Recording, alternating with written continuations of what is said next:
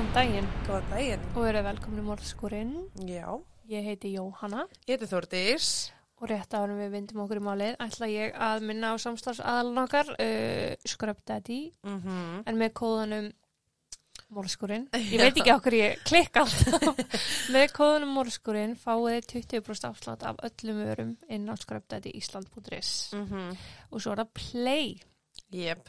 Play var að taka fullt af nýjum áfangastöðum og þar og meðal er Greikland Uh -huh. en þangað geta er flóið ykkur ekki bara ódýrt heldur í glæ nýjum flugulum líka Já, það er rétt. með þjónustu 10 af 10 Geggjaðar samlokur. já, það Geggjaðar matur um borð. ég er ekki típan sem er með matalist í flugulum ég Oh veit bara God. drikki Ef það er eitthvað tíman sem ég er með matalist, þá er ég hálóftunum, sko. Í Ég veit ekki hvað er að frétta. nei, ég er bara, ætla að fá ég kaup mér alltaf 5 beilis og hætti þeim helst öllum ofan í eitt kaffibólla og, og svo reynir ég bara að lifa af I remember. I remember. En já, við hvetjum ykkur indrið til þess að skoða allt úrvali á play fullt af nýjum ferðum og bætast við alltaf jafn ódýrir áreiðanlegir Já. á tíma Mm -hmm. og svo er bókunarferðlir hrikalega þægilegt Já, líka. algjörlega, sko. Og síðan ætlum við að minna ykkur á áskriftarleiðan okkar. Já, hvort við ætlum. Já, en við erum áskriftarleið fyrir Mhm. þá sem við sekki inn á pardus.is. Skástrík mólskurinn, Já. Nákvæmt. En áskrift kostar 990 krónur á mánu Já. og það eru 4-5 auka þættir sem sagt eitt þáttur alla mánda Mm sem kemur þar inn og allt eldra efni er aðgengilegt. Sem eru 73 þættir núna, Já, til að vera nákvæm. Mm Það er rétt. Já, Þannig að, já, endilega hendið ykkur í áskrift. sjáum ykkur þar. Sjáum ykkur þar. Ég ætla að vinda mig beint í málið. já. En í dag ætla ég að segja þér frá henni Lori Lee Malloy. Ok. Kannastu þau nafni? Nei, Nei, ok. á ég að gera það. Já, ég hefði haldið það, sko. Ok. En, bara, betra. Mm. En eins miklu umfjöllun og málið við fengið, þá var það mér nánast ómögulegt að finna ammælistag Mm. og ár, en með auðveldri starffræði, sem hefur nú sagt, samt flækst fyrir okkur, þá veit ég að hún er, var fætt svona í kringum 1963. Ok. Hún elst upp á Rhode Island. Mm. Lori var sem krakki langt fram úr flestum sameldur sínum. Hún var einstaklega klár og skýr. Henni gekk alltaf vel í skóla og samhlega skólanum var hún klappstýru captain. Ok. Það var forstjóri klappstýruliðsins. Það held ég að vera forstjóri, framkvæmdastjóri klappstjóri. Það gekkja tætul. Þegar hún var eldri er hún segið það að vera sterk og hikaði ekki við að verja sig og sína ef hún sá þörf á. Hún var falleg og hugurökk og með bara kolbyggur svart hár og alveg bláustu hugur sem til voru. Bara með sér mikinn sjarma og stóð sérstaklega föst á sínu. Hún var þekkt fyrir að ganga skrifinu lengra en flestir ef henni fannst einhver misbjóða sér eða sínum og er ein sagan af henni þannig að hún stökk yfir barborð til að tækla fullvaksinn mann Hmm. sem stóð í einhverjum hótunum við kærstanar. Ok, grjóthörð. Hún grjóthörð, sko. Hún sögð hafa verið fárulega nett típa og hún fór sína eigin leiðir, gjörsamlega óhrætt um hvað yrði, en þegar hún var ung þá ákvað hún að hætti í skóla til að fara og lifa ævintýrum frekar. Ok, Hún var sko 15-16 ára gömul þá. sælir. Hún flakkaði á milli ríkja í bandaríkjunum í fyrstu á puttanum og síðan á mótuhjóli og það var í einum þessara ævintýra þar sem hún fekk gælunafni sitt Sled Dog. En það var í kringum 1980 sem að Lori endaði í Alaska Mm. og það var þar sem hún átti eftir að læra og finna ástriðu í hundasleða íþróttum. Ok, nice. Ást hennar og hundum var yngri lík og þaðan kom nafnið, sem samblanda af þessu hundaslega brasi og ást sinn og hundum, en hún var sögð aldrei hafa hitt hund sem hún ekki elskaði. Ég, Tengi. ég tengi ekki, ég var alveg hitt hund sem ég elska ekki. Þeir eru svona dýflitt, flest allir alltaf sætir og skemmlir. Mm. Já, Já, láta það líka með hluta. Jæja, næstu fimm ár fara í alls konar brasi Lori, hún flakkaði um bandaríkin en samhlega flakkinu þá hafði fíknefna neysla hennar aukist til muna. En hún hafði frá 14 ára aldri verið að fykta við slíkafni, kókain og töflur og svo áfengi að mestu. Mm. Hún virðist hafa leitað sér einhvers konar aðstöðar í kringum 1984-85 því hann er leiðbend að koma sér í samband við konu að nafni Cookie Ok. og sko ég sleppi mörgum nöfnum að því það er bara eitthvað Cookie, Cupcake, Sugar Er hún sem sagt, þetta er Þetta er stage kon- name? Nei, ekki stage name, eða þú veist, þetta er ekki Hún heitir bara þetta er bara Kaka. gælunafn, skilur Ok, ég held að þetta væri kannski að hún væri að vinna á Nei, þú veist-. Nei, nei, ekki Nei. svo gott Ok. hún, hún var kona sem að tóka að sér fólk sem var að leiðast út á brautinni Já, og ok, hún aðstöða var- við að koma sér aftur á fætur Ok, mér svo fyndið að vera bara að kalla það með Kaka. Já. Þú veist, þetta er eitthvað svo, já, ok, ég láta. Þetta var sérst góð kona. Já, bara vildi hann til og hún var kvöldu kúki Ok. og dótturinn var kvöldu cupcake og eitthvað það var eitthvað, það þema badnabarni KitKat. Eitthvað svo En Lori átti eftir að eigða næstu tveimur árum alveg edru inn á heimili hjá Kúki. Þannig að Kúki var með, var með, hérna skal ég segja, þetta heimili, svona hálgert, svona áfengaheimili eða, fyrir fólk sem vildi koma sér á Á réttar réttu- braut. Já, Og yfirleitt hafði fólk verið sem sagt leiðbent til hennar um, í gegnum einhvers konar stofnanir ok. Hvort sem það væri, þú veist, uh, hérna meðfærastofnanir eða, eða geðstofnanir. En var hún Leiðbeindi. sjálfstæð starfandi eða var hún, Þetta var svona bara góðmenn, sko, vilist vera, sko. ok, ég menn henni þá allan að treyst fyrir því Já, að, að vera að beina fólki til hennar. Og alveg með, hérna, virðingu í samfélaginu til þess að fólk sé að, þú veist, Já, akkurat. vísa fólki ánga. En svo eru nokkur áratnar sem við vitum ekki hvað gekk á, en úr verður að á Valentínusnadaginn árið 1988 Mm. þá giftust hún manni að nafni Harry Mariano. Ok, Brúðkaupi var haldið heima hjá pappa Lori á Island og hann virtist hún þá vera komin aftur á Island. já, Allir virtist mjög hamingsam með þetta brúðkaup en vandamálið með Harry var það að hann var kallaður Scary Harry. Litlu nickneimin í þessum þætti. En hann var kallaður Scary Harry að ástæðu. Akkurat. En það liði ekki nema átta mánir uh, inn í hjónabandi og þá var Lori búin að kalla til lögreglu vegna heimilsofaldis. Oh. Og það vildi þannig til að Harry hafði einhverju áður stungið af eftir að hafa keirt á og sko þegar hann keirir á þá var hann sviftur aukuskýrtuninu á þeim tíma Já, uh, þannig að hann er handtíkin vegna þessara samblöndu mm, ok, og hann er ákjörður fyrir bæði aukulagbrot og ofbeldisbrot í nánu sambandi í Já. kjálfarið. Harry sá ekki af sér á meðan hann beði réttaralda sinna í fangilsi. Hann notaði tíman sinn ekki í betrun, heldur skrifaðan bref til sinnar heittelsku sem í stóð Annarkvort getur þú búið vitni gegn mér og síðan með eftir tvö ár eða þú getur látið fella niður ákjöruna og síðan með eftir sex mánuði valið þitt. Þetta er bara svona, ég dreip þig eða ég dreip þig. já, og vilt að ég dreipið eftir tvö ár eða vilt að ég Já, dreipið eftir sex mánu? Við tvö ár? Já, uh, það var einmitt málið að því að Lori eins og hún var vön stóð först á sínu og Harry átti eftir að sitja inni fram að árinu 1990. Ok, Þremur mánuðum síðar var Lori búin að sækja um skilnað en það var í kjölfar þess að uh, Harry losnar í janúar 1990 mm og hún er með gert að halda fjarlað frá Lori. Það er ekki gefin út nálgunaband, það er bara svona do not um, er bara ekki Kontakt, koma nátt, já. en hann alltaf verið það ekki og hann er handtekinn aftur en síðar sleft og honum er þá gert að halda sér frá Lori og nú vegna nálgunabands. Ok, Okay. Lori, Lori hafði sótt um nálgunaband gegn honum. og skilnaðurinn farin í gegn. Nei, það átti eftir að taka rosalega langan tíma. Mm Já, Þú sér það, ég get bara sagt það núna, það, þú, hún byrði skilnað 1990 og skilnaði fyrir ekki gegn fyrir 1993. Aftur kemur smá bil í tímalínunni en ekki er alveg fyllilega að vita hvenar hún kynnist til dæmis Thomas Kelly, hvað var hann kallaður? Tommy.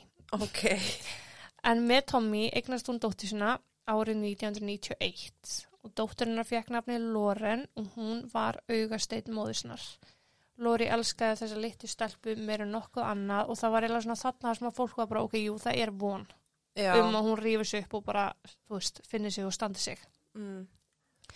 En sambandi með Tommy gekk eitthvað illa og Lori hætti með honum í júli 1992 og þar eru ekki gefna neina ástæður en Tommy brást illa við og hann var meir en tilbúin til að fara í forræðistelur. Ok.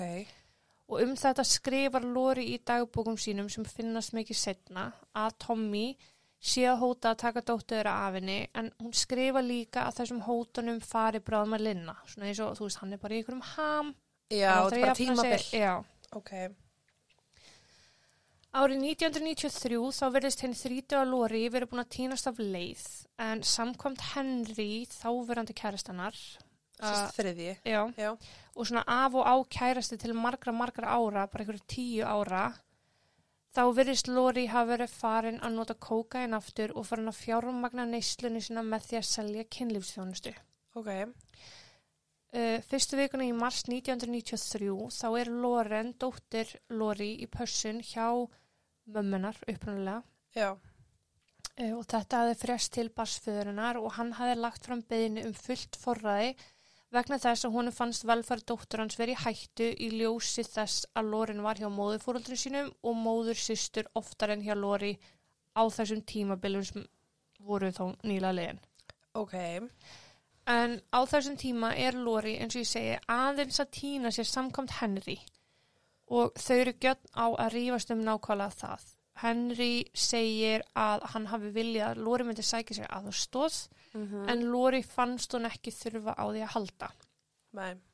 Og þessa fyrstu viku í mars þá er gríðilega erfitt að ná sambandi við hana. Það er því klukkan eitt sunnudaginn 7. mars sem að Henry Costa, kærasti Lori, gengur inn á East Providence laurugstöðuna með tilkynningu þess efnis að hann hafi gríðilegar áhyggjur af velferð Lori. Hann hafi nú ekki séð hana í næstum því viku, ekki vinir hennar heldur og hún svaraði ekki heimann símanum nýja kom til dýra þegar fólk fór heim til hennar. Ok, og hvar var dóttirinn? Hún hafði verið í umsjá sýstur Lori tölvöld lengur en einhver bjóst við og það út af fyrir sig var mjög óðalegt. Ok. En Lori var alltaf upp á tíu þegar kom á dóttisni en það hafði verið þannig að þann 27. februar, tveimu vikum fyrir rauninni, eða aðeins minna, þá hefði Lori farið til mömmu sinnar upprunalega og fengi hana til að taka dóttisina en Lori sagði frá því að henni sjálfri liði mjög illa og barni væri farið að fara í töðunar á sér. Ekki þannig og í konum pyrrandi, bara hún hafði ekki þólumæðinu fyrir barninu sínu Já. og taldi skinsamlegra að hún færi í umsjá mömmu sinni nokkra daga meðan hún myndi kvíla sig. Alveg samanlega? Mm Og hún hafði sérst farið á einn tímbúti frá mömmunar til systurinnar. Ok. Henry síndi þess ábyrndamerki að hann var virkilega hrættur og órólegur þegar hann talaði við lauruglu og laurugla sem betur fyrr sá ástæði til að fara og aðtöða málið. En Henry myndi ekki nákvæmt heimilisfang Lori en hann bauðst þess að fylgja lauruglu að heimilinnar og það verður úr því. Já. Henry var beðin um að hitta lauruglu hjá gatnamótum rétt við heimili Lori þaðan sem hann myndi fylgja lauruglumönnum alla leið að heimilinnar en hún bjó í íbúð á þriðju hæð við North Hull götu. Ok. Þegar þeir voru komnir að heimilinnar þá gekk lauruglumæðurinn Brittó upp á hörðinni og ringdi dyrabjöldinni en fekk ekkert svar. Hann ringdi því bjöllu nágrannannar sem bjóða hæðinni fyrir neðan en það voru hjón sem voru jafnframt eigendur húsins. Ok. Þau voru meira en tilbúin til þess að aðstöða og stungu upp á því að Brittó færi upp ásamt Henry, Henry banki á hurðuna hjá Lori og reyna bara að komast þannig inn. En á meðan ætluðu nágrannarnir að ringja og fá systur konunar sem bjó í íbúðinni til að koma með aukarleikla af íbúð Lori. Já. Brittó, lauruglumæðurinn, hleypur upp með Henry í eftirdrægi og tekur strax eftir því að það væri eins og útidir Lori væru örlítið opnar. Ok. Hann bankaði því og kallaði halló og spurði hvort einhver væri inn í íbúðinni en fekk ekkert svar. En hann heyrði í rennandi vatni einhver staðar innan úr íbúðinni og ákveði því að kalla aftur. Já. bara geta eitthvað verið styrtu skilur Mhm. en en fær hann ekkert svar og tekur því ákvörnum að ganga bara beint inn Útidinnar að íbúðinni opnast inn í litla fórstufu við hlið eldúsins og við hlið þess eldús voru tvö svefnherbyggi og lítið baðherbyggi þannig að þetta er svona eins og um, frekar löng íbúð Já, svona gangur og lítið baðherbyggi e, innst í íbúðinni. Varsljóðið sem að breytt og taldi sig heyra komi frá baðherbygginu svo að þeir gengu í áttina að því. Þeir sáu strax höfuð einstaklings liggjandi í gólfinu og Henry var ekki lengi að kalla upp fyrir sig guðmungóður þegar hann átti að segja á því að Lori var svo sem að lág í gólfinu. Brittó áttaði sig fljótt á aðstæðum og skipaði Henry að fara út úr íbúðinu strax en Lori lá nakin á vinstri hlið með andlitið í áttagólfinu. Svona, já, það hefði ekki farið fram hjá Brittó að Lori væri látin. Það var bara engin spurningum og hún væri farin. ok. Hann kallaði nú eftir liðsöka undir kóðunum 1056 sem er kóði fyrir bara skyndilegt andlát. Mm Sjúkrabílar og lauruglubílar komu að vettvangi og sjúkraflutningamenn komu upp, skoðuðu uh, líkið og var þeirra mat svo að þeir gæti ekki beitt neinum lífsbjargandi aðferðum. Nei. Rannsóknadeild lauruglu var mætt á svæðið og fóru grant yfir vettvang og ráka augun strax í grunnsalega atriði en fyrst og fremst hafði hurðin verið opinn þegar Britta og Henry kom á vettvang Uh -huh. en svo voru hár, mikið magn af hári út um alla íbúð Ok. eins og ykkur átök hafi brátt sér stað. Mm. Þá voru brauðsneðar í kringum líklóri og viðsver inn á baðherbygginu. Hún var með mikið magn af hári á milli tanna á vinstra fæti. Magn af hári vafið utan um vinstra hendi bara svo arband Ok. Og svo hellingahári inn í vinstri lóa. Þannig að mæti halda hún hafi sko tekið eitthvað hár, vafið sig og rifið niður. Já. Skilur hvað við? Þannig að Já. þá kemur svona eins og hár arband utan um úlið. En akkur er milli tanna? Góð spurning, það má vel var hún hafi rifið hárið á einhverjum með tannum skilur. Ok. En ég menna, hversu háruður ertu? Já. Já, góð spurning. Já. Hún var með marbletti vísveru efri handleggjum og ofalega á lærum. Ok. Hvað voru að læra námskeiðinu með marbletti á, á upphandleggjum? Tengist yfirleitt Sorg. óbeldi. Það er ekki ofanlega að lærum. Jú, á efri handleggjum, eða sérst á upphandleggjum og Já. ofalega á lærum. Og inni. Já, Já. Mhm. Greipir. Mhm. Mm. myndi þetta. Ískapurinn á heimilinu var fullur af mat en búið var að taka hann úr sambandi. Ískapin. Já. Ok. Sér þýtti sko að það þurfti að taka hann út úr hólfinu sínu sem hann var í, þú veist svona skorðar upp í vegg, taka hann úr sambandi og svo setja hann aftur á sinn stað. Ok. Það var bara ekki nógu vel gengið frá rámoksnúrunni þannig að þið tóku strax eftir því að hann var ekki í sambandi. Mm. Weird. Myndi þetta með mér. Ok. Á eldursporinu voru tvö tóm glös og lítil skál af salati. Þá hefði baðherbyggsvaskurinn verið í fullum gangi og vatn runnið þar eins og ég nefndi og það var vassljóðið. Vettvangur var metin sem glæpa vettvangur og allir óviðkomandi aðgangur bannaður. Henry hafði verið fenginn til að svara spurningum á vettvangi en ákveði var að flytja niður á stöð þar sem er tekin betri skýrsla af honum. Þegar þangað var komið var eh, vo- voru honum lesin réttindin sín. Hann fenginn til þess að undirrita blað þess efnis að hann væri viljur til að ræða við lauruglu og svo hófst skýslutakan. Mm. Hann útskýr eins eins og ég nefndi áðan að síðustu ár hefði hann og Lóri, og Lóri átt í ástasambandi af og til. Hann sagði Lóri vera kærustunum sína og að þau hafi kynst inn á stopnun fyrir fólk með geðsjúkduma og sagði að þar hafi Lóri verið meðhöndlu vegna geðklóa. Mm Og það eru svona nýja fréttir og ekki nýja fréttir. Það er eitthvað sem virðist hafa komið ljós í þessu gloppóta tímabili sem voru með í byrjun. Ok. Það er þriðji. Þriðji, Gægin. já, sá sem hún var með. Já. Hann sagðist hafa síðast síða Lóri þann 1. mars eða 6 stugum áður en þá hafði hann stoppað heima hjá henni til að færa henni sígarettur. Hún hefði þá hringt í hann og óskað eftir því að hann kemur með sígarettur til sín. Mm. En hann hafi ekki farið inn til hennar af því þau voru að rífast vegna kókainneislunar en það var jafnframt síðasta skipti sem hann hefði talað við Lóri. Ok, við erum að rífast en ég skal fara að kaupa síkratur handa þér ástu mín. Já. Ok, Mm ok. uh, Þú veist það hvað, var hann bara með svona, hérna, svona, tæki, ha, svona tæki. nei, bara, þú veist, var hann með prjóna þegar hann rétti pakkan, eða skilur, þetta er bara, með, ja, Nei, og hún kom út, hún kom niður já, til hans, Mm. tók við síkartunum og fór. Já. En hann bjó ekki heima, hann bjó ekki hjá hann, sko. nei, nei, nei, nei, nei, En það hefði verið óbúslega erfitt fyrir alla að ná á Lóri þessa viku. Hann útskýði öll nýluður yfirildin vegna Nislu Lóri og sagði þeim frá því að hún ætti ungt bann með öðru manni sem að hún hafði uh, semst ekki átti samband við lengi núna og átti þá við Tommy. mm. En samkvæmt Harry En samkvæmt Henry þá vissi hann ekki til þess að Basfæði Lóri vissi hvar hún eða Loren dóttir þeirra ættu heima. ok, Henry sagði frá því að barni var hjá sýstu Lóri og hann hafi kíkt þangað í vikunni sem að leið til að reyna að koma staði hvar Lóri væri. En núna kemur annaði ljós en hefur komið fram því Henry segir núna í skýslutöku frá því að hann hafi farið heim til Lóri fyrrum daginn.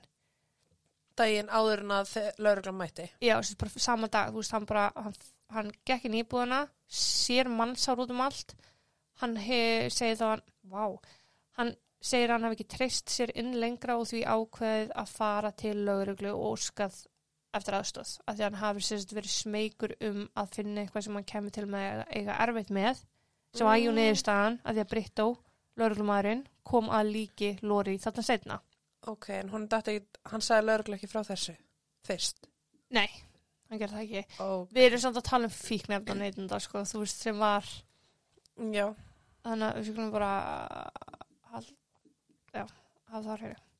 ok, Kannski ekki mjög áreiðanlegur í frásögnum, til dæmis. ok, ok, Henry var samt í kjölfarið, færður inn í fangaklefa og eigur hans gerðar upptækar sem hann saman stóði af 62 dölum og 61 sendi, veski hans sem að innihjalt kredtkort og aukurskýrtinni og svo átt hann eftir að nota símtala sitt klukkan rúmlega 14.15 og það er ekki drætt neitt sérstaklega í hvernig hann ringdi. ok, Lauruglumæður sem hefði komið á vettvang skilaði inn sinni skriflegu skýslu bara til þess að fara yfir það sem hann sá. Þetta er bara svona atvika skýsla. En hann hefði tekið eftir því að á litlu borði inn í íbúðinni tók hann eftir íþróttaskó. En það sem að vakti meiri aðtegli var, þú veist, flik, stór kökkull, fliksur, bolti af ljósbrúnu hári já, ok, sem að leit út eins og að það hafi verið rifið úr höfð einhvers. Það sem er aðtöfuvert við það að þetta hafi verið ljósbrúnt hár geti verið út af því að Lóri var með kolsvart hár. já, já, Þá hafði hann líka rítað, fyrir ekki, er þetta sítt hár? já Þú veist- þetta er svona ágætlega sítt hár, já, já, já. Þetta er nógu sítt þess að vefjast um höndina á hann, skilju. Mhm. Sest, það er svona 80% líkur að þetta sé hvermannshár. Ekkert handilega, sko. Það er, það er svo sem ekki rætt um það neitt heldur, hvort sé sítt hvernmannshár eða sítt kallmannshár. Ok, Þetta er það er ekki, 1993 og það er bara hreinlega ekki að greina það, sko. já, það er bara ekki vitað. Nei. Oh. Þá hafði hann líka ritað það að lítill barnasökur hafi leið á borðinu og í honum var ljósbrúnt hár að finna líka. Hvað með góð? Fyrir hvað þetta þetta er loðin manneskja? Já, um, bara mikið hára höðun og sköllótt í eitthvað. En það sem er aðtöfavert við þetta er að það er hár bara á fullt af skrýtnum stöðum, skilur Já, Þú veist, þarna, þannig og ykkur hafi bara haldið að hára og lagt skó frá sér og sokk frá sér. já. Þetta er svona bara undalegt. Mm Á meðan þetta var eiga sér stað á lögrstöðinni þá var tæknidild og réttalæknir stattir á vettvangi. En Lori er útskuru látin 1437 þann 7. mars árið 1993 þá 30. En réttalæknir vildi meina að hún hafi verið látin í svona klukkustund eða svo þegar Britta kom að henni. En nú veitum við að tímasetningin getur aldrei verið akkurat Já, og það eru verkfælla þar í kring til að skera úr um hvenar sirka bát dánustund er. Þannig að það er kannski ekki hægt að taka þessu mjög alvarlega. að það sé klukkutími bara. Já, það getur sk- skeikað sko. Já. En, ok, ég, hún samt látin klukkutíma. Já. Ok. Klukka hvað fór hann upp á lauruglustöð? Miða við frá, hann, já, hann var komið kláðan eitt þangað, Ok, og þeir fundana, strax eftir það, bara mjög fljótlega eftir það. ok, Og sér það hún er útskurði látin 1437. ok, skil.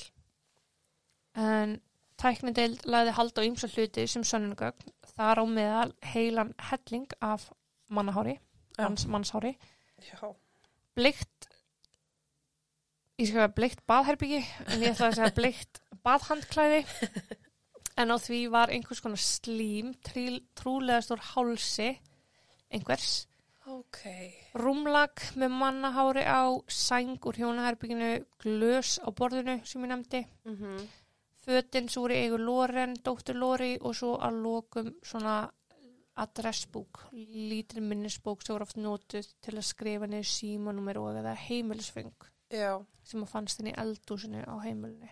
Ok, Þegar, þegar rætt var við sýstur Lori, Alison, þá komi ljós að mamma þeirra hafði síðast síðana þann 1. mars. já, En þá hafði Lori komið með auka föt á og hún hafi sagt mömmu sinni þann dag að henni liði enn ekki nú vel og eftir því að, að Lorin yrði áfram í vöslu mömmu sinnar eða systur. já, Þá sagði hún að hún hafi farið til læknis einhverju dögum áður út af flensu sem hún var visslega með og talaði um að við fengi síklarleif. ok, Sýstir Lori hafði margsinnis reynd að ringja í sýstu sína en þegar móður þeirra gati ekki verið með Loren lengur þá tók Alison sýstir Lori við henni. Við Loren. já, Hún hafði reynd að ringja bæði fyrsta og annan mars en Lori hafði ekki svarað fyrir um klukkan 17, eða sérst kring klukkan 5 í eftirmiddaginn þannig annan mars. Þá hefði Lori sagt að Alison, Alison, Alison frá því að hún var rosalega þreytt og hún hafi bara hreinlega sofið allan daginn. mm, Það er ákveða að daginn eftir eða þann 3. mars þá myndu þær fara saman til þess að leysa út velferðar ávísun sem að Lori átti vona ok, í postkassa sinn. Morgunin eftir hafði sýstrinnar mætt heim til hennar, bankað, ekki fengið neitt svar, dinglað öllum bjöllum, ekki fengið neitt svar. Hún kíkti því ofan í postkassan hennar Lori þar sem að ávísunin hefði átt að vera en kassin var tómur. já, Hún notaði daginn í að reyna að ringja í Lori en fekk aldrei svar og að lokum þá ringd hún í Henry til að sjá hvort að hann vissi eitthvað en hann sagðist ekki að í henni síðan fyrsta annan mars. Með hans frásögn þá var að fyrsta mars þegar hann fóð með síkarnar heim til hennar. já, Næstu daga reyndi hún að halda áfram að ringja en árangurslaust og laugadaginn 7. mars eða deginum áður en Lori finnst þá kemur Henry til hennar og spyr hvort hún hafi einhvað heyrt sem var auðvitað ekki. Þau sammældust um það að það væri jafnvel möguleiki á því að Lori hafi bara farið út úr bænum en hún hafði jú verið vön því. Þú veist að bara pakki töskur og fara og upplifa einhver æfintýri. og koma svo mánuði sér. Já, en það var áður en hún eignaði stóttisina. Mm Það var svo klukkan 11 þann 7. mars, daginn sem að Lori finnst, sem að Henry mætur aftur til Alison, sýstur Lori, til að aðtöga hvort einhverja fréttir væri til staðar um Lori. Já, Sýsturnar sagði að svo væri ekki og það væri kannski spurningu um að fara bara og kíkja heim til hennar aftur. Og þá sagði Henry að hann hafi nú þegar farið og ætlaði ekki aftur. Þannig að hann virðist hafa verið inn á heimilinu fyrir klukkan 11. Þú veist þegar hann talar um að hann hafi farið heim til hennar, það hlýtur að hafa gæst fyrir klukkan 11. ok, og hún fann slátin eitt, Já, svona rúmlega eitt. látin í klukkutíma, Mm ok, En samt math isn't mathing, en maður, þú veist, allar að taka þannig klukkutíma bókstala. já, já, já, En, já, það er sérst, þetta stemmer alveg hans frásögnum og það skeikar um klukkutíma. Þú veist, miða við, ef hann talar um að hann hafi farið til hennar og bynt til lauruglu, þá myndi ég frekar halda að hann hafi verið þar í kringum, þú veist, inn á heimilinu í kringum 12, hálf eitt. já, En við frekari yfirýslur einstaklinga í kringum Lori þá átti eftir að koma fram að kókain neysla hennar hafði stór aukist eftir að hún eignast dóttir sína og hún væri að fá einhvers konar pillur hjá lækni sem að enginn vilt svita hver væri eða héti.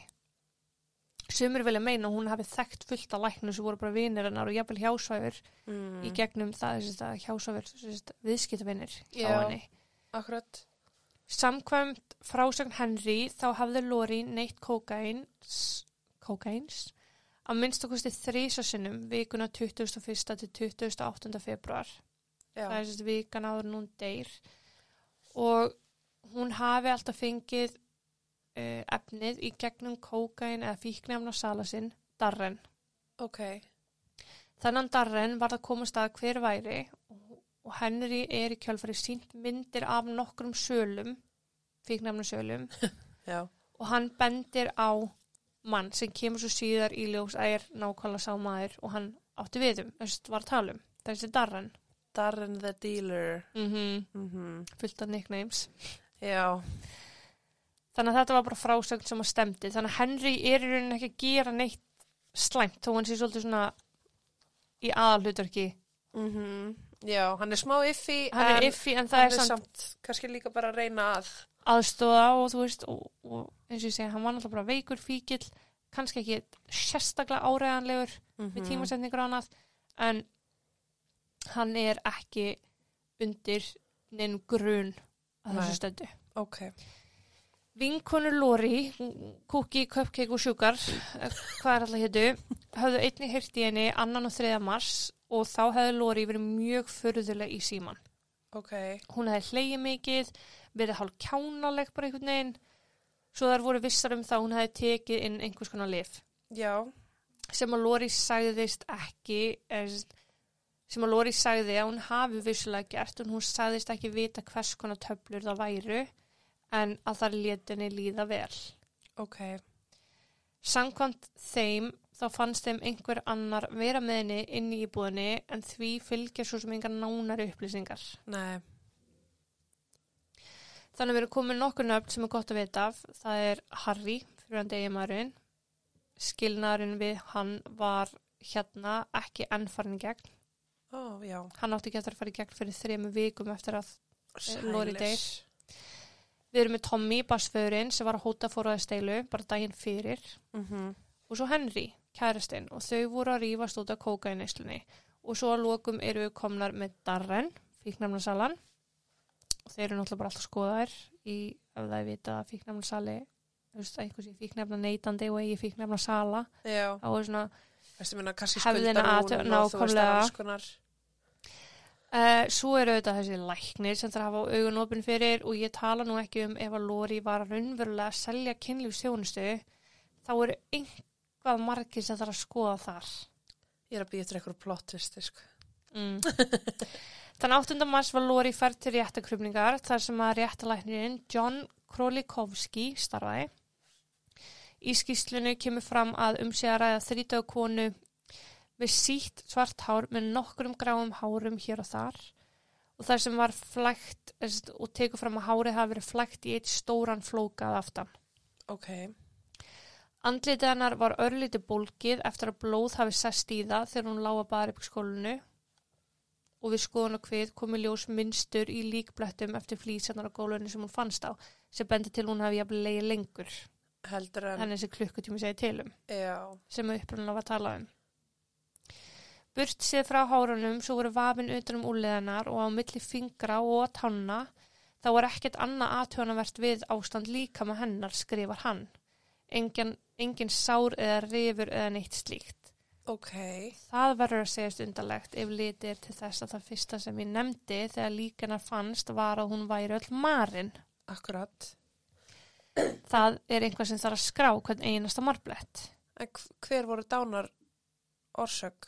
Kem að því. Ok. Hann heldur áfram að skoðana og skráir samvisku samlega nýður. Við innri skoðun á líki Lóri kemur í ljós að öll líffæri voru heil. Hann tekur fram að hjart vöðvi e, sé í góðu lagi, hjarta, lókur og allar stóru æðarnar í góðu lagi og yngar vísbendingar um stækkun hjarta vöðvans Mm. nema örlítil miðlungsstækkun á vinstri slegli slegils hjartans er til staðar. Eitthvað sem myndi venjulega ekki vera banvænt fyrir yngri konu við góða heilsu sem að Lori var. Ok. Þyngd lungna hennar benda til að hún hafi leiðið sömu stellingu eh, eða ég minnst að kosti þrjá tíma þegar hún fannst. Já. Það gæti bent til að hún hafi þá kannski jafnvel kvalist eitthvað fyrir andlat sitt í þann tíma því að ef það er eitthvað breyting á lungunum þá gerðist þar á meðan hún var að lífi. Já.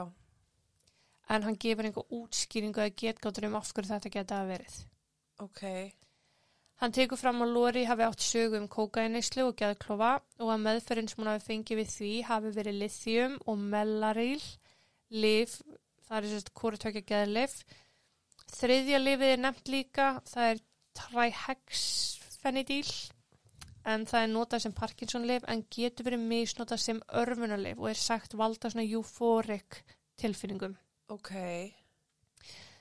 Þetta eru lif sem hún hafi sérst verið að nota í gegnum tíðan, þetta eru lif sem hefur verið upp og skrifið fyrir hana á einhverjum tímapunkti. ok, Ákveðið var að gera nákvæma skoðun á kynfærum, bara til þess að útiloka eða sjá hvort einhverju kynfærislegar uh, áverkar væri til staðar. mhm, Og það eru tekin fjögur síni úr leggöngum og tvö síni úr endaþarmi. Þá tók hann öll önnur síni sem þurfti að senda í greiningu en svo greining átti eðlilega eftir að taka smá tíma. já, Hann lauk krupningu Lóri fyrir hátið þannan dag sem að margir setja út á en það er ekkert óeðlegt við það í rauninni. Að Nei. krupningin hafi tekið fjóru tíma sko. En lauruglan var að vandraðast með hvað var hægt að gera. Áriði 1993, og það er erfitt að fara í lífsýnagreiningar og annað, svo það satt á hakanum og málið bara einhvern veginn festist þar sem það var þegar Lóri fannst. Og það var einhvern veginn engin framgangur í málinu að því að uh, sínin sem að réttalæknin hefði tekið voru ennabíði niðurstu já, þannig að þú veist, það var lítið sem þið gott gert. Henry hefði verið sleppt úr fangelsi en það hafði lögreglan nákvæmlega ekkert á hann. Nei, Beðið var eftir niðurstu úr krupningaransóknum og það skilaði sér að lokum þann 7. mæ sem tveimur mánuðum eftir já, Þá átti eftir að koma ljós að öll síni frá Lóri voru neikvæð fyrir öllum livjum, eituröfnum og fíknefnum. what, Í skimununni fundust engin lif eða skadaleg efni í kerfi Lóri, sem því að hún var ekki á kókaini og hafði trúlast ekki sem verið að taka kókaini nýlega hann hún var bara edru. eða á einhverju livjum eða neitt. En kvöldi áður sagði hún hefði tekið eitthvað lif þegar hún talaði við vinkonun sína. Nei, það var annan eða þriðja, Já, já, já, okay. ok. fjórundum ár, en enga síð það er samt eitthvað sem hefði átt að finnast í kerfinu hennar, sko. Já, Þannig að núna lítur út fyrir það að hún hafi bara ekki verið að taka neinn fíknefni og engin lif í einhvern x tíma. uh Ég, sko, það er svo mísinn hvað fólk segir að kókain sé lengi í blóðinu já, en það hefði fundist hefði hún tekið kókain daginn sem hún dó já, ég, veist, ég held að það er eftir svo ótrúlega miklu, Já, það er mikil og efnafræði hvað- sem já. já, eina sem fannst í henni var brúnn vögvi og það er svona getgáttur um að það hefði verið kaffi ok, en þann 11. ágúst þá skilar læknirinn frá sér loka skýslu þar sem hann skráir andlat lóri sem náttúrulegur döðdagi vegna ofstækunar í hjartavöðva sem er gjössal á skjön við það sem hann skrifar í krupningaskýslunni sinni að því hann talar um að hjarta sé fullkomlega heilbreytt með einhverja væga stækkun á öðrum stað og það geti ekki leitt Ekki til nákvæmlega. dauða hjá henni og mm -hmm. hvaðan komið sér hár. Já, hárin, hann skráði þau öll niður, þú veist að hann væri með hár út um allt og, og allt hannig og þetta var náttúrulega ekki hára hennar lit. Nei, einhver staðar er einhver að ganga um með, Háralus. já, bókstarlega. En ég ætla að segja aðeins meira um John Krolikowski, réttalækni. Oh my god, er hann með brún sítt hár? Nei, en Ok. hann var undir smásjá rannsóknar aðila eftir að hafa misgreint hundruðu sína Oh, og hafði tímabundi verið sviftur leifisn í öðru fylki sem sem sagt í þeirri stöðu sem hann syndi og honum hafði þarna verið bannað að sinna þeirri stöðu. ok, að það stöðvaði hann ekki til að sækja um vinnu annar staðar og hann starfar þarna á Rhode Island sem tímabundin yfir rétta læknir og hafði því raun öll völd. já, sem er hræðilegt. Já, og það kom tími þar sem flest hans mál voru endurskoðuð að vegna þess að hann hafi starfað sem, uh, sem annar starfstitill í rauninni Mm. og í öðru fylki þegar krupning Lóri fer fram þá var mál Lóri ekki endurskoðað en krupning Lóri er svo fyrsta sem hann gerði á meðan hann syndi þessu starfi sem yfir réttalæknir. Og það eru margar aðrar. Það eru mörgunum tilfelli og mörgunum er þess að voru skoðu sko. Ok, En þann 28. desember árið 1993 er máli Lóri formlega lokað þar sem að rannsókn leiti ekki í ljós neina vísbendingar um sagnæm aðhafi. Ah. Lauruglan notaði sér til stuðnings krupningaskíslu réttalæknis þar sem að dánarásök er ofstækun á hjartavöðva og dánaratvik eru talin eðlilega en náttúruleg. Ah. Og þannig var það bara fjölskyldan sérði Lóri og bara þurfti og neittist þess að halda áfram með sitt líf. Loren, litla dóttirinnar Lóri, var í umsjá ömmu sinnar og fadir hennar Tommy fekk svona heimsókna tíma Já. en hann var með allt niður í sig. Mætti illa og þú veist að kom tímbil þar sem að ammenar bara þurfti að banna umgengni. Mm. Svo dó mamma Lóri, Loren. nei. og sýsternar tók þá við Loren og þá mætti Tommy aftur og reyndi að fá dóttisina. Og því fyrir svo að Loren flakkaði á tímabili á milli Tommy og sýstu mömmusinar þar til að sýsternar Lori að lokum ættleitana á samt manninu sínum. Já. Hvað nákvæmlega verður er svo óljóst.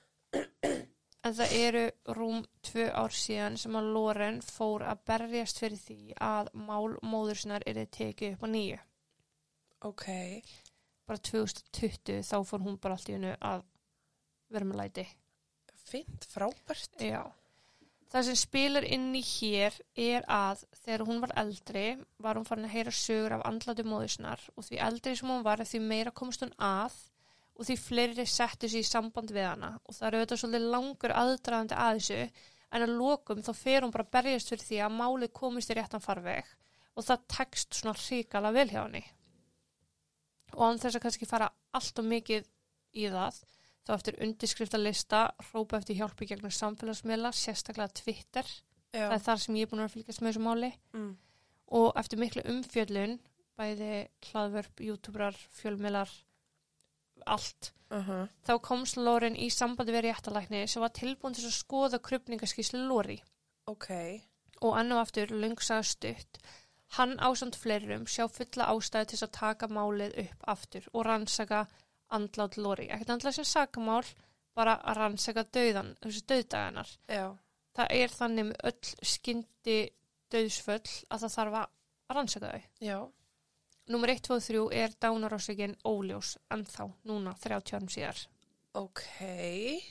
dánarársök er ekki rétt ef litið er til staðrenda krupningaskíslunar annarkvort skáldaði þessi réttalækni e, dánarársök og dánaratvik eða vann vinnunum sína ekki rétt. Mm mm. hvoru tveggja er jafn alvarlegt og réttalæknin átti sögu um bæði. Mm Ástæða þess að lungu lóri voru svona þung var heldur aldrei almennilega á hreinu og það þykir mikilvægt að skera úrum sem verður að taljast erfitt núna 30 árum setna sko. Uh, já.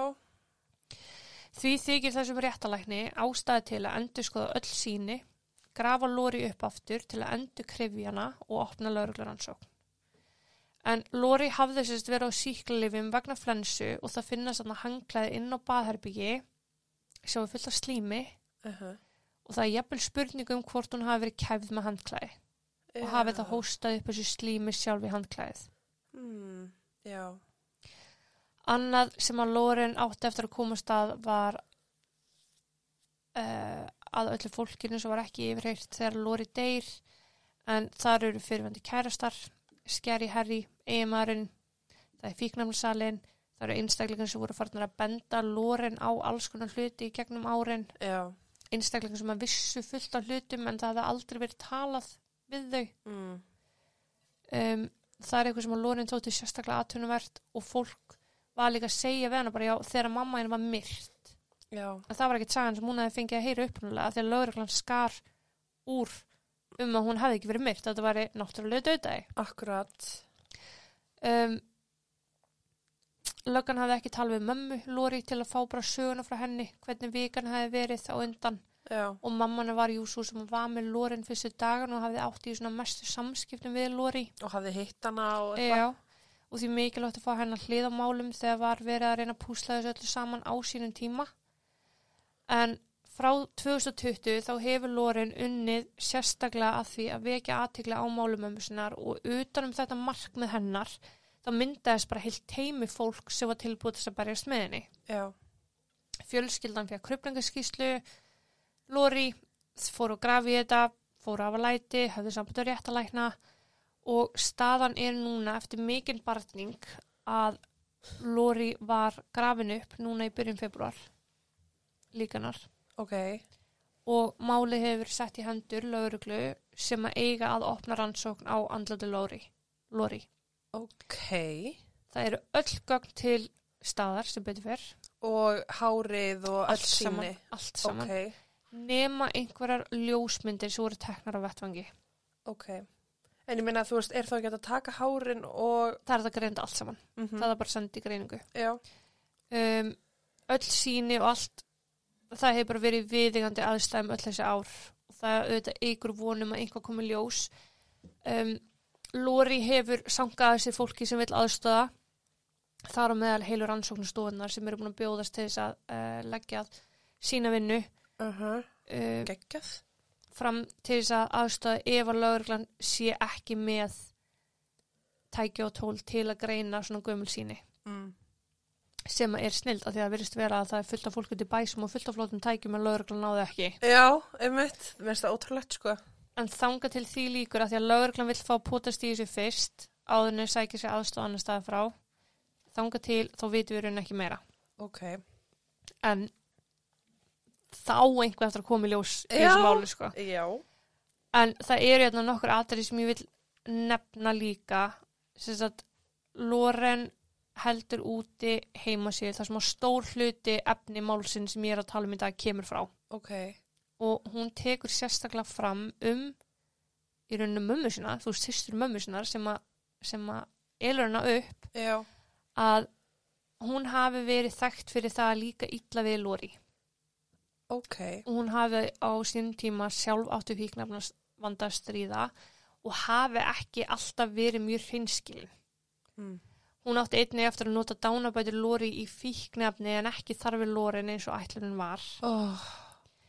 Um, þá voru hún sagði hafa mútað fólki í gegnum árin til þess að hilma yfir ímisatrið og til þess að þeia. Varðandi mál sýstusunar. Það er ekki nefnt neitt sérstaklega. Ok. Loren segir frængu sinna uh, hafa nýtt tækifærið sem hún fjekk á sínum tíma 1993 til að dásama sjálfa sig sem góðu systurina sem var að passa badnið uh, og nýta tækifærið að hún var ekki til vandræða sjálf eins og hún var oft vön.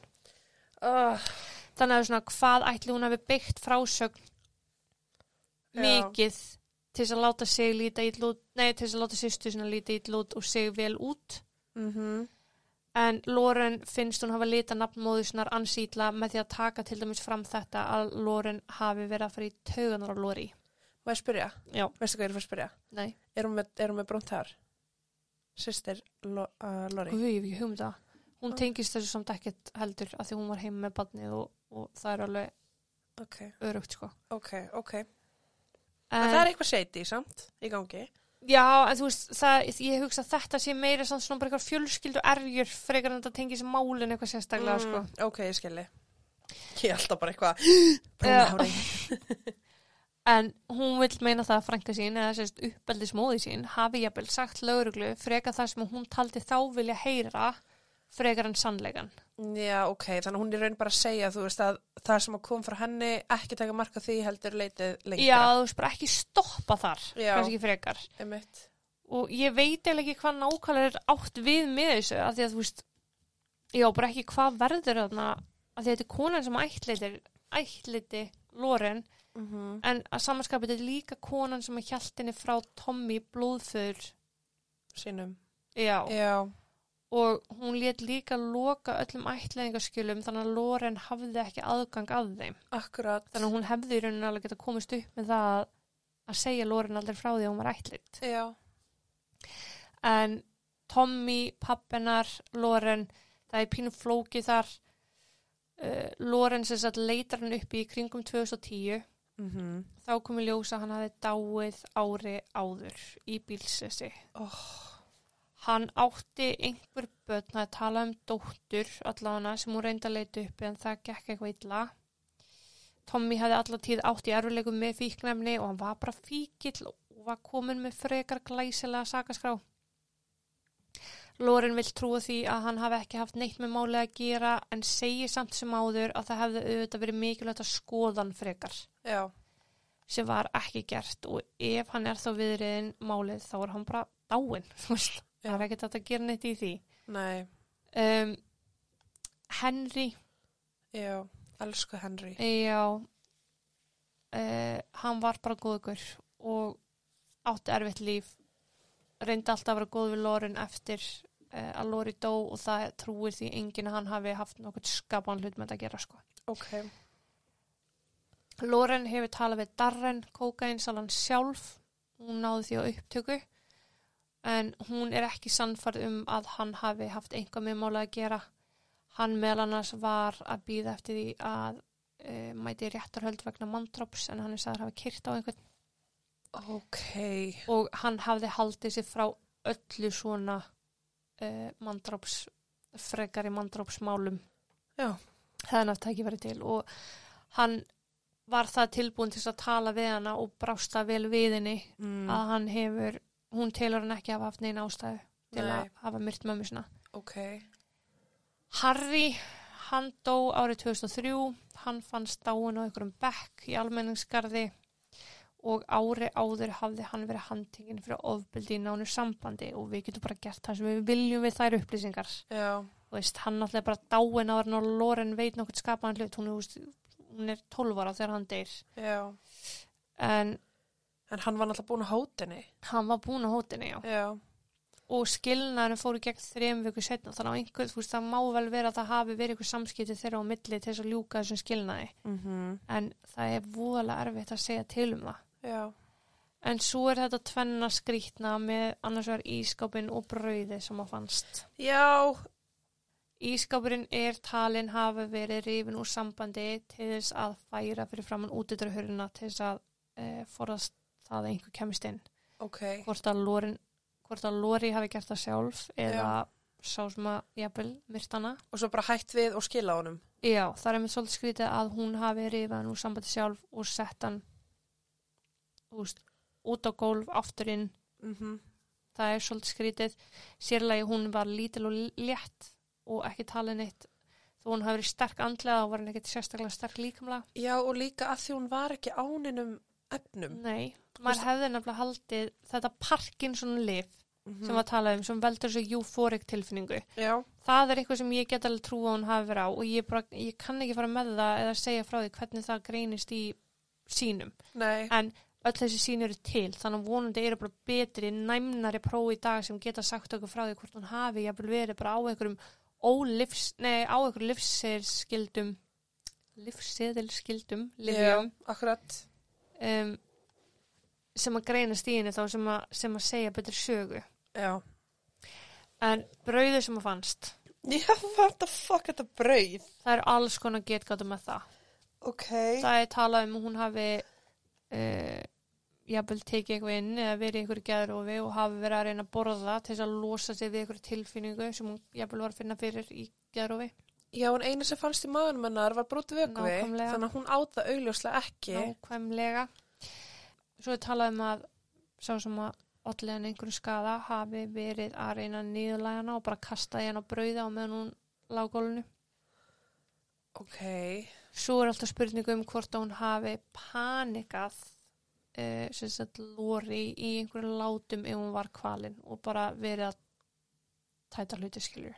Já, En það var samt ekki þannig óreiða inn á heimilinu og brauðið var inn á baðherbyggi, ekki inn í aldursvið en í stofið en í söfnherbyggi en eitt slíkt sko. nei. En það verið samt verið að það hafi einhver átök átt sér stað við einhvern sem er með ágætlega sítt ljósbrúnt hár. Uh -huh. um, hárið á henni var náttúrulega sérst, allt í hnút Já, og flóka og þá, þá maður skilur alveg að þessi getgáttum að hangklæði hvort hann hafi reynilega verið að kæða með hangklæði ef hún var eitthvað að reyna þú veist hreyfa höfuðið mm til hliðana til þess að reyna að losna undan hangklæðinu að hárið fara þá í flóka skilur já, en það er að því að tala um hún hafi leigið jafnvel í einhver tíma áður en hún dó það er náttúrulega þetta með kæfingu að fólk getur mist meðvitund orðið fyrir súrumniskorti heilin, starfsemi heilans verður lítil en hjarta heldur aðeins áfram já, hvort að það hafi jafnvel komið fyrir akkurat. stækkunin í hjartaveðunum þá má vel vera að það hafi líka komið fyrir ef það var eitthvað í gangi með lunguna á henni skilur, veist, það er bara svo mikið sem þarf að koma ljós eftir að hún er kröfin núna aftur Já, en hún er náttúrulega búin að liggja ofan í jörðin í 30 ár. Þannig að Akkurat. happa glappa hvernig ástand líkamsleifa hennar eru. Já, ég meina, hvað ertu, hvað ertu lengi að verða beinagrind? Það þarf ekki alltaf að gerast. Nei, en ef það gerist, Að þá þá getur ekki ár. líffærin. Nei, Yes. líffæri náttúrulega hverfa bara mjög hrætt, sko. Ég er að segja, þú veist, þú getur ekki skoðað ástand. Nei, en ef það er þannig aðstæður ofan í jörðinu, ofan í kistunni jörðinu, þurft kallt loft, að þá getur hún mömmu fæjast. Já. Og ég er bara að vonast þess að hún hafi gert það. Í svona málum, af hverju erum við ekki bara frist? Mm Og varðveitt bara. Og varðveitt þar til að það er bara allur, Mm í- þú veist, ég skal alveg vera frist í þá vísindana. Já, ángríns, það held ég að ég myndi gera líka. En það er hérna, um, við svo leiðalegt fyrir lórin einhvern veginn, þú veist, verðist það að vera svikin af upphaldsmóðu sinni, Mm upphaldsföður. Hún talar svona rosa vel um upphaldsföður sinn. Um, að hún einhvern veginn kemst að tilvist mömmu sinnar og allt í framhaldinu því er umlegt. Já, Það og bara- einhvern veginn er bara búið að vera að ljúa henni Já, allan hennan tíma. allan hennan tíma og lauruglan búin að bræðast Lóri náttúrulega og þessi réttalæknin náttúrulega bara ég skil ekki þetta á náttúrulega að vera alvarlega en að, að hann sé bara sviftur ykkur réttindum sko. Uh Algjörlega, sko. þetta er náttúrulega bara gális í starfi að þeir sérstaklega uh, upp hafið á hans fáitaskap Mm er sá að hann var að miskreina krabba minn síni Oh.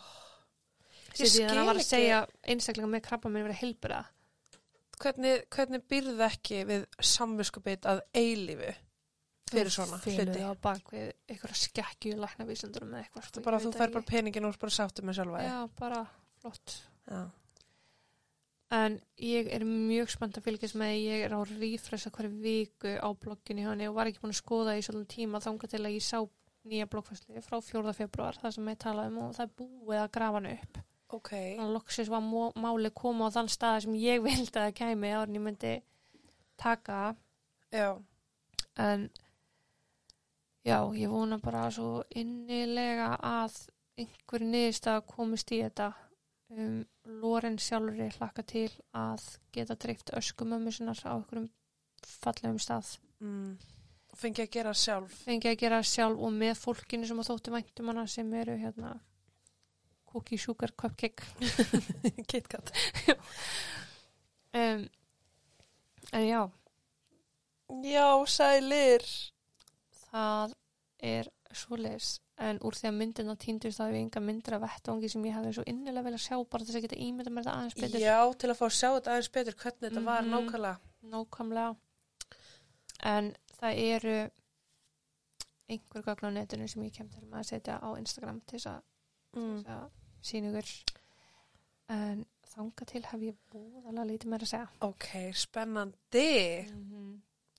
við erum farin að safna aldrei miklu í uppfæslu þætti Já, við erum að fara að drilla okkur í að taka eitt svo les. já þurfum að gera það Mm